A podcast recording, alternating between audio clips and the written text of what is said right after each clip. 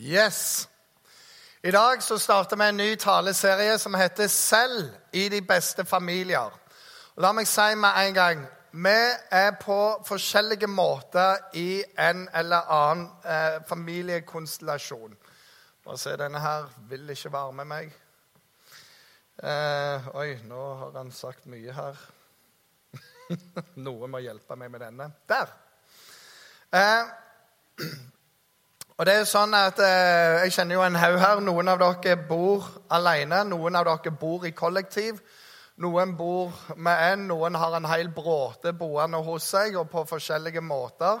Men vi har relasjoner rundt oss som betyr mye for oss. Og når vi snakker gjennom de fire neste søndagene, så tenker vi litt sånn Kan du ta noe av det vi sier, putte det inn der du er? Og kan det å bidra til at de som er i din verden, de som blir din familie, kan få det bedre sammen, så har vi gjort noe veldig bra. For vi tror at relasjoner er en gave fra Gud, og vi tror at eh, vi kan gjøre gode ting for oss sjøl. Okay? Så hvor enn du måtte være, og hvis jeg bruker et bilde fra noe, ta og transformer det inn i din hverdag, inn i din situasjon. En av de grunnene til at vi tenkte at vi bare nødt til å snakke om det, det var at vi begynte å høre litt sånne forskjellige ting i styret og rundt omkring med nøkkelledere om svigermødre, om andre ting. En ting vi hørte, det var du vet, jeg er døv på det ene øret, sa en. Å, hvilket øre da? Nei, det som er nærmest kona mi. Her er det et problem. En annen sa jeg har ikke snakket med kona mi på 14 dager. Har du ikke det? Nei, jeg ville jo ikke avbryte henne, sa han. Og så snakket vi med en annen, og de hadde vært gift i nesten 50 år. Og vi spurte hva, hva er nøkkelen til, til, at dere har holdt ut så lenge. Og så ser han, så sa han, da var alene med meg, så sa han Roy jeg skal, jeg skal fortelle deg det. For du skjønner, når vi gifta oss, så reiste vi til Amerika. Fordi vi er så glad i, i hesteridning. Så på, på hva det heter, denne honeymoon, eh, så reiste vi alene på ridetur. Og hesten hennes stanset plutselig. Så hun hoppet ned av hesten, tok tak i grimmen, så han inn i øynene og sa det var én gang. Opp igjen, rir videre. Og alt går fint. Plutselig stanser hesten igjen. Ned igjen. Det var to. Og tredje gang skjer det. Det var tre. Det var siste sjansen. Så drar hun opp en pistol og skyter hesten, og han dør. Jeg var jo helt livredd. Så, 'Hva er det du gjør?' Hva er det du gjør? Det var én gang, sa hun.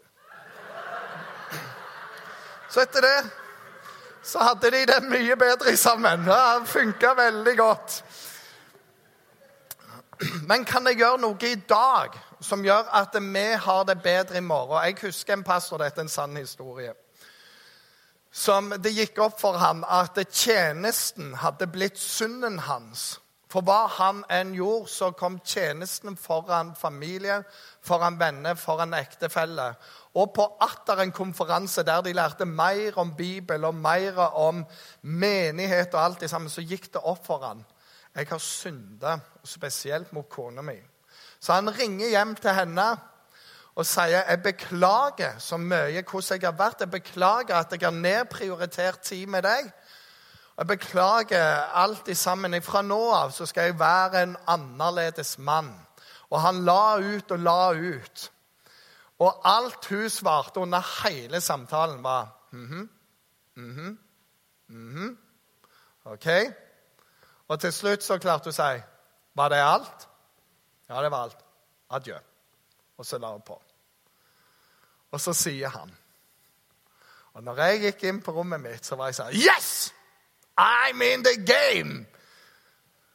Når du har brukt 20 år på å legge en dårlig strategi, så må du ikke forvente at den dagen du får en lys idé, så får du en kjemperespons.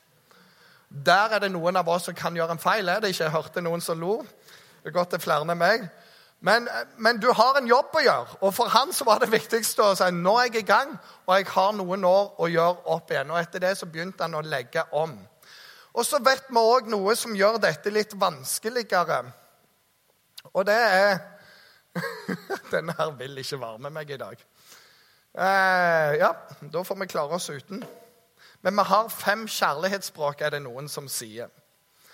Og eh, Jeg var på tur med Jarle. Jeg vet ikke jeg skal tale om det, så jeg får kjeft i morgen på kontoret. Men vi var på tur i Amerika.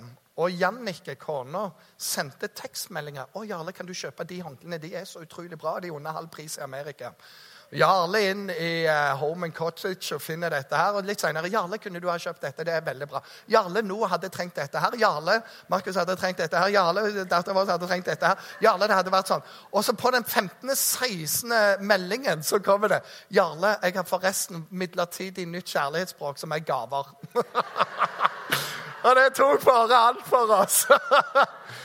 Men disse fem kjærlighetsspråkene, ett av dem er gaver. Noe, og det er sånn at det, eh, Kjærlighetsspråk er hvordan vi tar imot og gir kjærlighet. Og Av og til så gir vi eh, uttrykk for vår kjærlighet på en måte som ikke betyr så mye for den andre. Og andre ganger så betyr det så utrolig mye.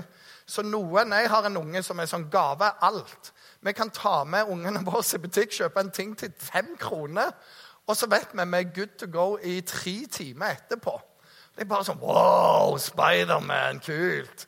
Og så får vi fri i tre timer. Jeg har en annen unge som er fysisk nærhet. Og han er sånn Hvis han har en dårlig dag, eller noe, så bare setter han opp på fanget, hold rundt han litt, og så merker du humøret kommer tilbake. Han må ha nærhet. Og av og til så kommer han bare 'Jeg må bare klemme deg, pappa.' Og så må jeg bare holde han litt der. Og så, sånn, 'Nå er det nok. Nå er jeg eh, bra.' Jeg har ei datter som har et annet kjærlighetsspråk, og det er ord. Og skal jeg nå inn til henne, så, så, så sier det med ord.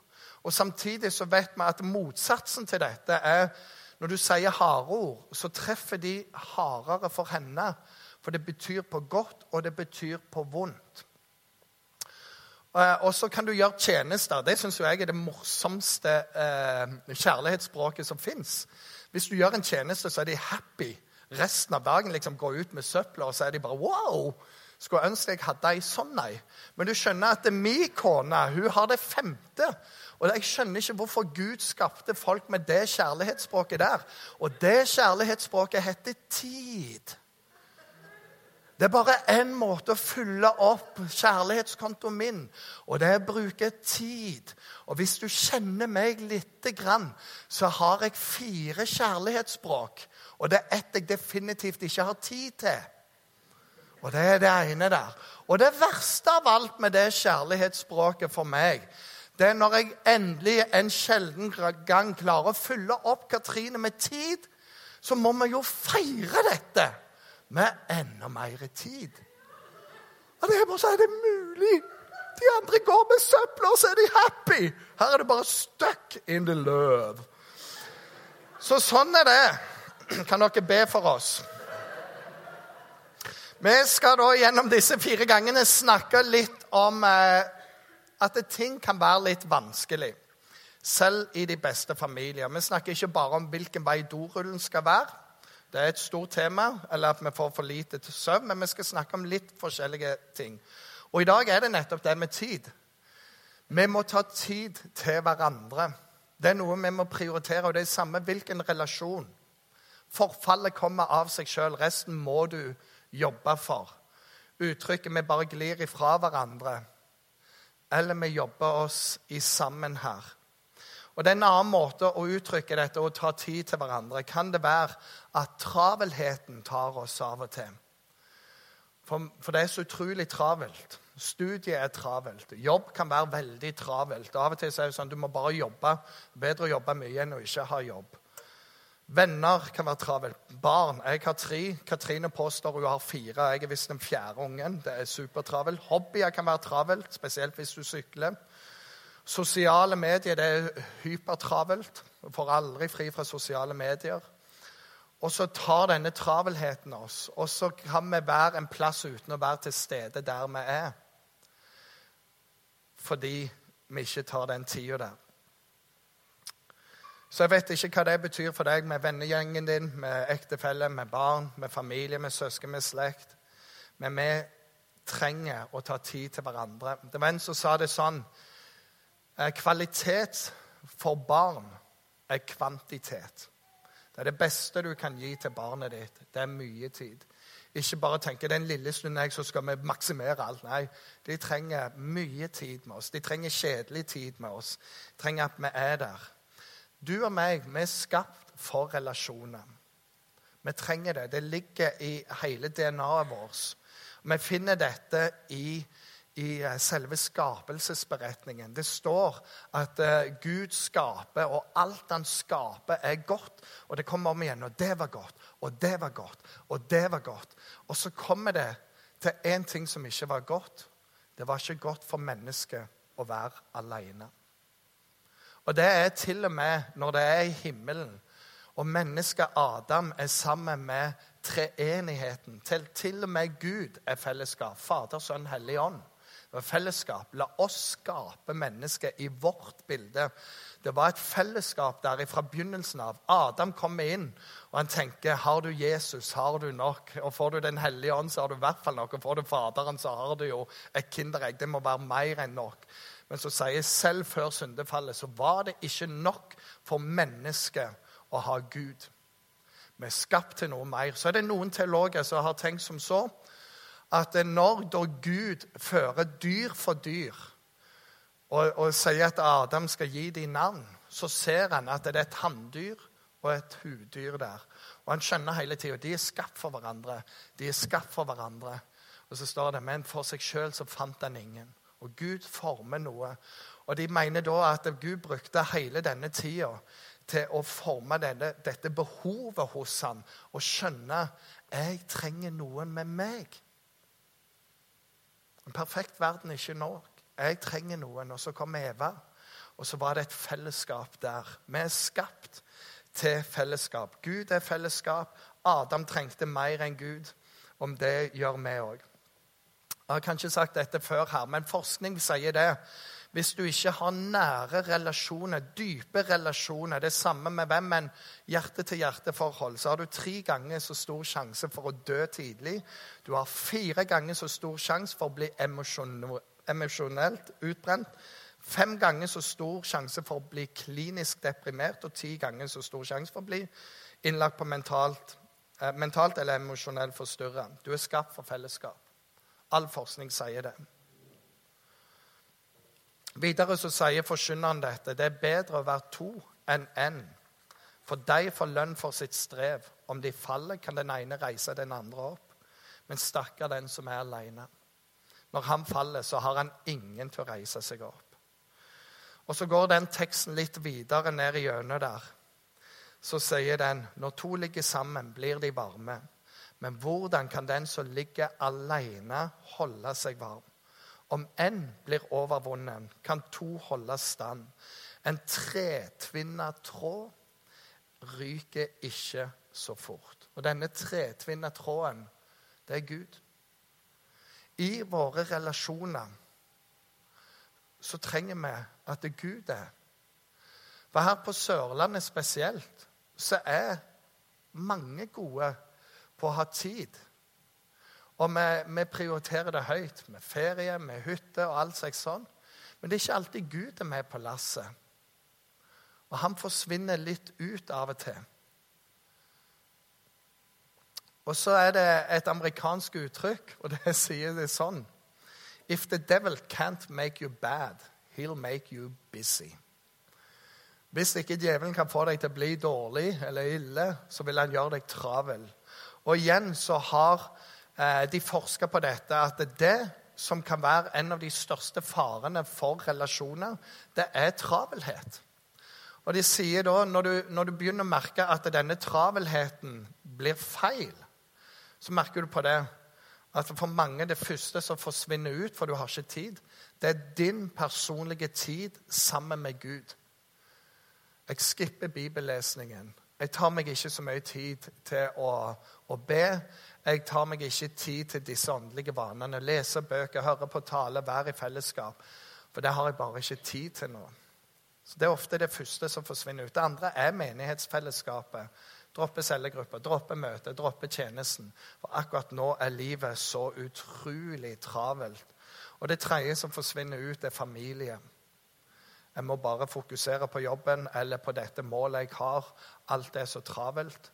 Her må jeg gjøre min greie nå, og jeg kan ikke noe annet. Og når du begynner på den lista der, så vet du du har en jobb å gjøre. Det er indikatorene. Hvis du sløyfer Gud, menighetsfellesskapet og familierelasjonene, da er du på ei feil travelhetsliste. Det går ut over deg sjøl, og det går ut over folk rundt deg. Og det kan følge deg, og du kan bli såra av det. Og denne relasjonen med Gud, det er kraft å leve på. Det gir perspektiv, det gir fokus, det gir balanse. Vi trenger det alene, og vi trenger det i relasjon til andre. Og vi vet det er mange ting som tømmer oss for kraft. Som tømmer oss for eh, kreftene våre. Det er forandring, kan være veldig stress, frustrasjon, daglig arbeid, studie, konflikter, forsinkelse. Tømmer oss for kraft. Hvor henter du den kraften ifra? Du henter den i hvert fall ifra Gud. En som sa det sånn Jo mer du fokuserer på Gud, jo mer kraft vil du ha i livet ditt. For Gud er kilden til kraft. Gud har all den kraften du trenger. Bare se på naturen. Hans kraft er et bevis overalt. Ingenting er umulig for Gud. Denne kraften er tilgjengelig for deg og meg. Så hvor mye du fokuserer på Gud, sier han, er lik hvor stor kraft du har i livet ditt. Så når du er i travelheten, skipper det, så skjer det noe. Det står et bibelvers. Gutter kan bli trette og, slitne. Unge menn kan snuble og falle. Men de som venter på Herren, får ny kraft. De løfter vingene som ørnen. De løper blir ikke utmattet. De går ikke og blir ikke trette. Så selv i de beste familier så trenger vi å lage disse rommene av tid. Og i disse rommene av tid så må Gud få varme oss. Gud må varme til Hovden, Gud må varme til Syden. Gud må varme her i nabolaget, hvor enn vi er. Og eh, bare eh, noen helt praktiske ting inni dette. For det første Dette har jeg måttet jobbe mye med sjøl, men planlegg årskalenderen ut ifra når du skal ha fri først. Min, mitt liv har alltid vært sånn, jeg har vært hyperengasjert for Guds rike. alltid. Og det har alltid hatt fortrinn. Og det var ikke særlig sunt. Skulle gjøre alt for Jesus, og Jesus skulle klappe for meg i himmelen. og sånne ting. Det er bare litt dumt her på jorda av og til, for det er noen som skal leve med meg her, som er tett på meg. Han som regnes som den viseste mann, det er Salomo. Han skriver dette. Se, dette har jeg funnet. Det er rett og godt å spise og drikke og nyte det gode midt i alt arbeid og strev under solen. Den korte tiden Gud lar mennesket leve. Det er det lodd jeg har fått. Stans opp, nyt livet. Og planleggingen av frihelger, frikvelder, det er vel så viktig som det andre. Det gir deg balansen i livet. Og når du ser på ting som sier 'nei, jeg kan ikke', ja, hva er det da du har på kalenderen? 'Jeg har fulgt'. Ja, hva det er?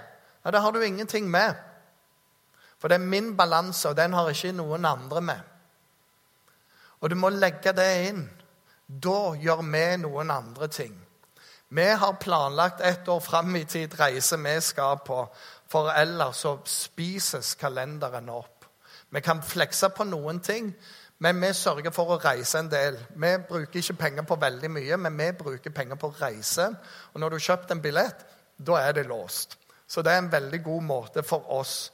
Men planlegg først når du skal ha fri. En av de største farene for et samliv er husbygging. Og de sier det er ingenting som er så farlig som akkurat det. Og noe av det er den travelheten det fører med seg, og pengene som er der. Hvordan alt må gå inn i der, hvordan all fritid og alt. Og de som har jobba med det, de sier hvis du bygger hus, så må du planlegge fri der òg. Du må ta tid til hverandre, for du bygger vel for å få det bedre. Men da er livet underveis. Og Det er noen grep du må gjøre før du begynner å bygge, eller underveis. og si, vet du hva, Vi må stanse opp. Huset er ikke livet. Vi trenger tid. Og så er det dette. Reis på turer. Gjør andre ting. Gjør noe som skaper minne. Ta en sykkeltur. Spis ute med primus. Ta en tur i klatreparken. Koster det? Ja, det koster. Men det skaper minner. Alle nordmenn skal vel på Hurtigruten en gang, eller se Lofoten, eller gå en eller annen fjelltopp. Ta en tid til hobbyen. Tjenestegjør sammen på et eller annet. Bare gjør noe sammen. En som er også pastor i Misjonsforbundet, han fortalte det. Jeg er onkel til en, sa han. Og han har vært rundt hele verden, på alle Disneyland, på alle hva enn det måtte være. Men det er én ting han aldri har fått lov til. Og det er være ute i skogen, padle i kano, bo i telt. Så det gjør onkel. Så han hadde tre dager med han, og de padla, og de levde veldig enkelt. Og når han, ungen, som har vært på alt det flotte i hele verden, skulle summere opp hva er det beste barndomsminnet Kanotur med onkel. Det er sånn bortimot gratis. Det er ikke prisen. Det er innholdet. Det er tida. Så vær litt kreativ med det. Planlegg først fri. Det andre tingen er vær en gave til den andre. Og Det var en pastor som sa det sånn, en frikirkepastor. Før i tida, når jeg via folk, syntes jeg det var fantastisk. For dama var en gave til mannen, og det var nydelig. Tenk, her fikk mannen en gave. Og så sier han etterpå så ble det mye verre. For nå er det ingen som vil være en gave lenger. Alle vil bare ha. Alle skal ha det på sin måte. Det er mitt kjærlighetsspråk som gjelder. Ditt er ikke så viktig. Fyll opp min konto. Jeg liker ferie sånn, jeg liker det sånn. Men hva om du av og til gjør ting bare fordi den andre liker det? Og så tenker jeg, Har du et bibelvers på det? Ja. om noen tvinger deg til å gå én mil, gå to mil med dem. Det er rett og slett Jesus som sier hvis romerne kommer og tvinger deg noe du ikke har lyst til, og viser vei, så ikke bare gjør det, men, men legg godhet på det. Og Hvis det kan gjelde fiendene, så kan det vel gjelde de relasjonene vi har rundt oss. Hvis du finner ut hva kjærlighetsspråket er til de som er rundt deg, eller bare hobbyer de måtte ha, interesser de måtte ha Se hva som skjer hvis du går inn på deres banehalvdel og sier 'vi gjør det'. En ny eh, greie som jeg helt sikkert ikke skal si her. Min bror Jim, når han ble 40 år, så, eh, så kjøpte de en gave til han, og Han er Liverpool-fan. Jeg vet det kan være delte meninger om det her, men vi kan be for dere andre etterpå. Men da kjøpte kona en tur til Liverpool, til Anfield, for han og for familien. Og det, det er steindyrt. Hvorpå han, når han åpner det, begynner å grine. Jeg er jo bare sånn wow! Og bare sånn Seriøst? Så eh, gå inn på den andres banehalvdel av og til. Se hva som skjer. Tredje punktet. Dette hørte jeg på eh, radio en gang, på kristelig radio. Og det var en som sa det med en veldig lavmælt stemme. Når du kommer hjem, så skal du gi den andre personen de 20 første minutta bare til å lytte og lytte og lytte. Og jeg tenkte det var det lameste jeg hadde hørt. Og det var treigt sagt i tillegg. Men det ble liksom heftende med. Og så har jeg noen få ganger klart å gjort det overfor Katrine, som i tillegg har tid som språk. Latt være å fortelle om alle de fantastiske tingene som skjer på min jobb på kontoret. og Hvordan ungdomspastorene herjer på, og hvordan eh, alle de andre har vært innom der. og sånne ting. Bare lytte på henne. Spør hvordan var det Så operasjonen gikk bra, ja. Så dere fikk lagt inn dren i dag òg. Fantastisk bra. 14 pasienter. OK, og du fikk ikke tid til å spise Oi, oi, oi, oi, oi, oi, oi. Sånn fantastisk. Og for ei som har dette, sant? og det er flere kjærlighetsspråk dette her virker bra for, så har jeg jo sett at humøret hennes er jo veldig mye bedre. Så det er jo bare et triks. Hva om du gir de første minuttene til den andre? Og så dunker du ikke. Det må du begynne å gjøre. Nei, gjør det du. Og se om den andre forstår etter hvert dette. Ok? Fjerde tingen jobb veldig aktivt For at Gud blir en del av fellesskapet, hvilken relasjon du måtte være i. Og jeg har tenkt mye på dette. Så for at Gud er en del av fellesskapet. Fordi det er ikke naturlig for alle å sitte og be sammen. Eller nå skal vi bare sitte og lese sammen. Det kan være utrolig vanskelig å komme dit, og spesielt hvis du ikke har vært der. Det fins mange veier til Rom, heter det. Så la meg si noen ting her. Sånn at, for, for her kan det være Det får vi aldri til. Så tenker jeg jo da, det får du til. Hør. Bare lese hva jeg har sagt. hva om vi gjør tjeneste sammen?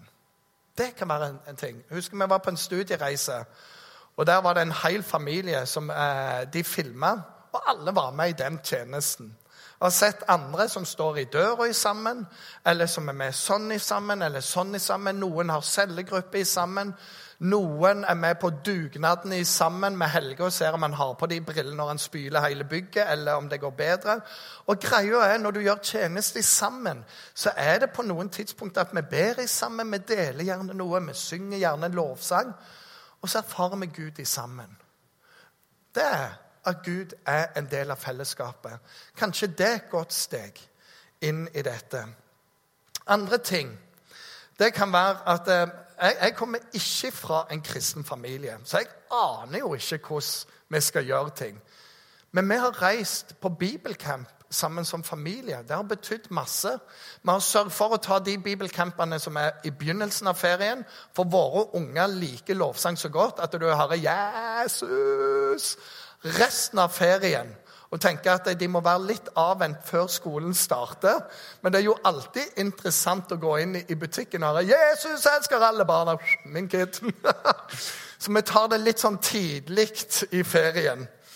Eh, men reis på bibelcamp, reis på konferanse, reis på, på forskjellige plasser. Når vi har vært på ferie, så prøver vi å få med søndagsmøte der vi er. Se andre uttrykk. Det gjør vi som familie, eller det gjør vi som ektefeller eller det gjør vi som venner. Fordi vi vil at Gud skal være en del av fellesskapet. Og det å reise òg i andre land og være på gudstjeneste Ikke alltid du forstår alt. Jeg har vært i, uh, i Tyskland, forsto ikke alt der. Eller i Danmark. Jeg løfter mine øyne til bjauet. Så er det noe fantastisk. Fordi Jesus er den samme overalt. Og det gjør inntrykk på oss alle. La Gud være en del av det. Det femte punktet mitt er det samme som det fjerde. Sørg for at Gud er en del av fellesskapet. Når så noen deg sist lese Bibelen? Så enkelt som at du bare har en bibel åpen. For de ser det, og de legger merke til det. Kan du ha en leseplanavtale med noen andre? som sier nå bare gjør vi det. Det fins apper for dette som gjør at dette går litt sånn automatisk, og så klarer vi å få disse vanene i. Dere kan lese Bibelen sammen òg. En enkel metodikk for det. Det er tre spørsmål. Hva sier dette avsnittet om Gud? Hva sier dette avsnittet om oss mennesker? Og det tredje spørsmålet hva bør jeg gjøre som en konsekvens av det jeg har lest nå? Hva sier det om Gud? Hva sier det om oss? Hva bør jeg gjøre nå? Det kan du lese med kristne og ikke-kristne. For folk kan relatere til det. La Gud være en del av fellesskapet. Så har Jesus med. Vi har ei uke hvert år hvor vi reiser med venner på ferie. Hver dag så er det en andakt fra en av familiene. Og vi har sagt det er ikke kvaliteten vi er på jakt etter. Det vi er på jakt etter, det at de hører en mor eller en far fra hver familie sier noe om Gud. For det tror vi betyr noe. Og så er vi så heldig stilt at vi har fem gitarister blant oss. Vi sitter der og koser oss og gjør sånn, så det blir ekstra bra. Men disse fire tingene Vi tror at selv i de beste familier så kan travelheten ta oss. Selv i de beste relasjoner så må vi jobbe for å ha tid i sammen. Og da kan det være noe av dette. Planlegg først når du skal fri, og gjør noe annet. Legg gjerne kvalitet inn i det. Vær en gave til den andre. Gi de første 20 minuttene til den andre, og sørg for at Gud er en del av fellesskapet. Så til disse så har jeg lyst til å spørre Er det en av dem du skal ta som en utfordring videre nå? Som gjør at du kan velge noe i dag som du i de relasjonene du har, har det bedre i morgen? Til slutt i talen så har jeg òg lyst til å si menigheten er òg din familie. Og her kan du ha noen av de dypeste relasjonene som går an å ha. Vi tror det er to hovedveier til det her. Det er bli med i ei smågruppe. Menigheten har mange smågrupper. Mange gode vennskap har oppstått der. Og vi ser inne i kirkekaffen at det er folk som har kommet i gruppe med hverandre, sitter av og til litt i sammen òg, fordi det oppnås, oppstår gode relasjoner. I gruppene så er det plass til hele deg. Det er plass til troen din, det er plass til tvilen din, det er plass til alle ting. Og det du vil erfare, det er jo mer du deler, jo mer hjerte får du tilbake igjen. Du får forbønn fra de andre, du får en genuin kjærlighet. Og noen ganger vil du òg oppleve at folk trør nær når du tenker at folk trør vekk. Det er menighet. Gud ga deg menigheten. Så bli med i ei smågruppe, og la det være en del av din familie. Den andre veien som jeg tror, det er gjennom tjeneste. Si ja til noe. Gjør noen ting. Det er veldig bra vi skal være med på dugnad, men òg faste tjenester. For når du er i en fast tjeneste, så er du med ei annen gruppe. Der blir du òg kjent. Der òg skjer det noen ting. Og da sørger du òg for at Gud er med i dette. Så familien er her. Menigheten er her. Og du er velkommen. Og så har jeg lyst til å si til dette, hvis du tenker ja, men jeg er ikke så flink, jeg er ikke så god Det er dette menigheten er for. Det er derfor vi har Jesus. For han gjorde det vi ikke klarte. Jeg trenger nåde veldig ofte. Bare spør kona mi. Av nåde er jeg frelst, av hennes godhet er jeg gift. Og så får vi lov å være der for hverandre. Så du er velkommen i det. Skal vi be i sammen her? Himmelske Far, jeg takker deg for at eh, du vil relasjon. Du har skapt oss med det behovet for nære relasjoner. Og Herre, så gjør jeg dumme valg av og til, så ikke alltid jeg forstår. Men jeg ber for oss alle om at du må hjelpe oss i dag til å gjøre gode valg som styrker alle de relasjonene vi står i i morgen. Og må du òg hjelpe oss sånn at du er en naturlig del av de relasjonene. Herre, du ser det kan være så utrolig lang vei til det vi måtte ha som et indre ideal. Hjelp oss, Herre, og ikke devaluere oss i det, men hjelp oss å finne sporer som gjør at vi tenker 'jeg er på vei'. Jeg er på vei til bedre relasjoner. Jeg må jobbe med det, og jeg skal vinne det. Jeg er på vei til å ha Gud med i relasjonene, og det skal bli utrolig flott. Herre, jeg takker deg for at du er nådefull med oss. Du er tålmodig med oss.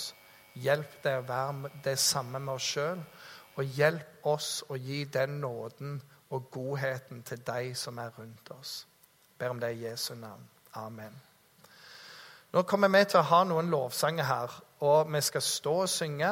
Mens vi synger, så er det sånn at det går an å få forbønn. Det går an, Vi har lysekrone der, det går an å tenne lys, be for noen. Og det går an å skrive bønnelapp og legge det i krukka der nede. Så Reis deg opp, og så synger vi. Den første sangen vi synger, har jeg sunget en del av, men det er ikke så ofte. Hvis ikke du kjenner den, så bare vær i den. Det handler om å være hos Gud og være i Hans nære. Det, det ønsker vi nå.